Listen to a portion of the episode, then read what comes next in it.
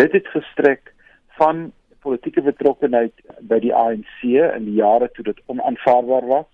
Dit het uh, gegaan tot politieke betrokkenheid in die ou tuislande. Hy was die hoof van KwaZulu-Natal, die stigting van 'n politieke party by die ou Inkatha toe dit nog nie wettig was in Suid-Afrika nie en betrokkenheid in die nuwe bedeling lid van die kabinet en waarskynlik sy roemrykste oomblik was toe hy waarnemende president was en ons Lesotho ingeval het.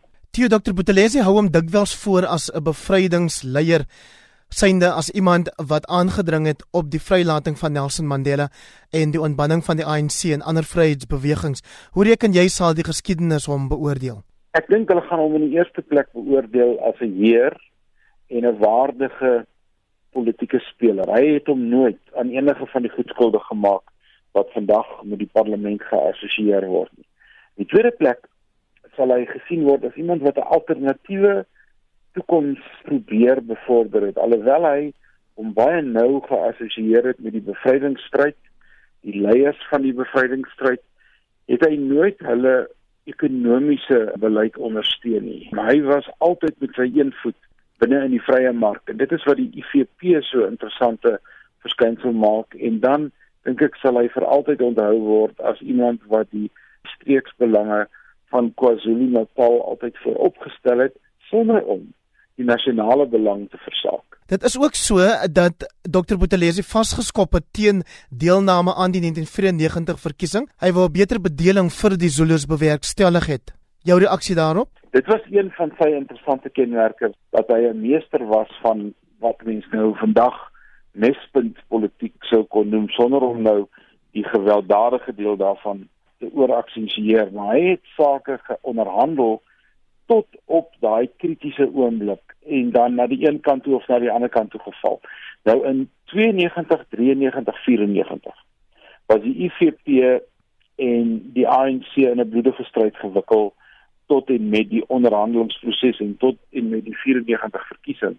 En Buthelezi het onder andere die 94 verkiesing se deelname gebruik as een van daai mespunt onderhandelinge dat hy basies 'n week voor die verkiesing sou plaasvind eers toegestem het om aan die verkiesing deel te neem en eintlik die hele verkiesingsproses in 'n groot mate ontwrig het. Ons moet ook nie vergeet nie dat die IFP onder sy leiding betrokke was by een of twee massa gewelddadige gebeure soos die boipatong optrede en ook ander uh, gebeure veral in die Oosrand in die periode 93 94.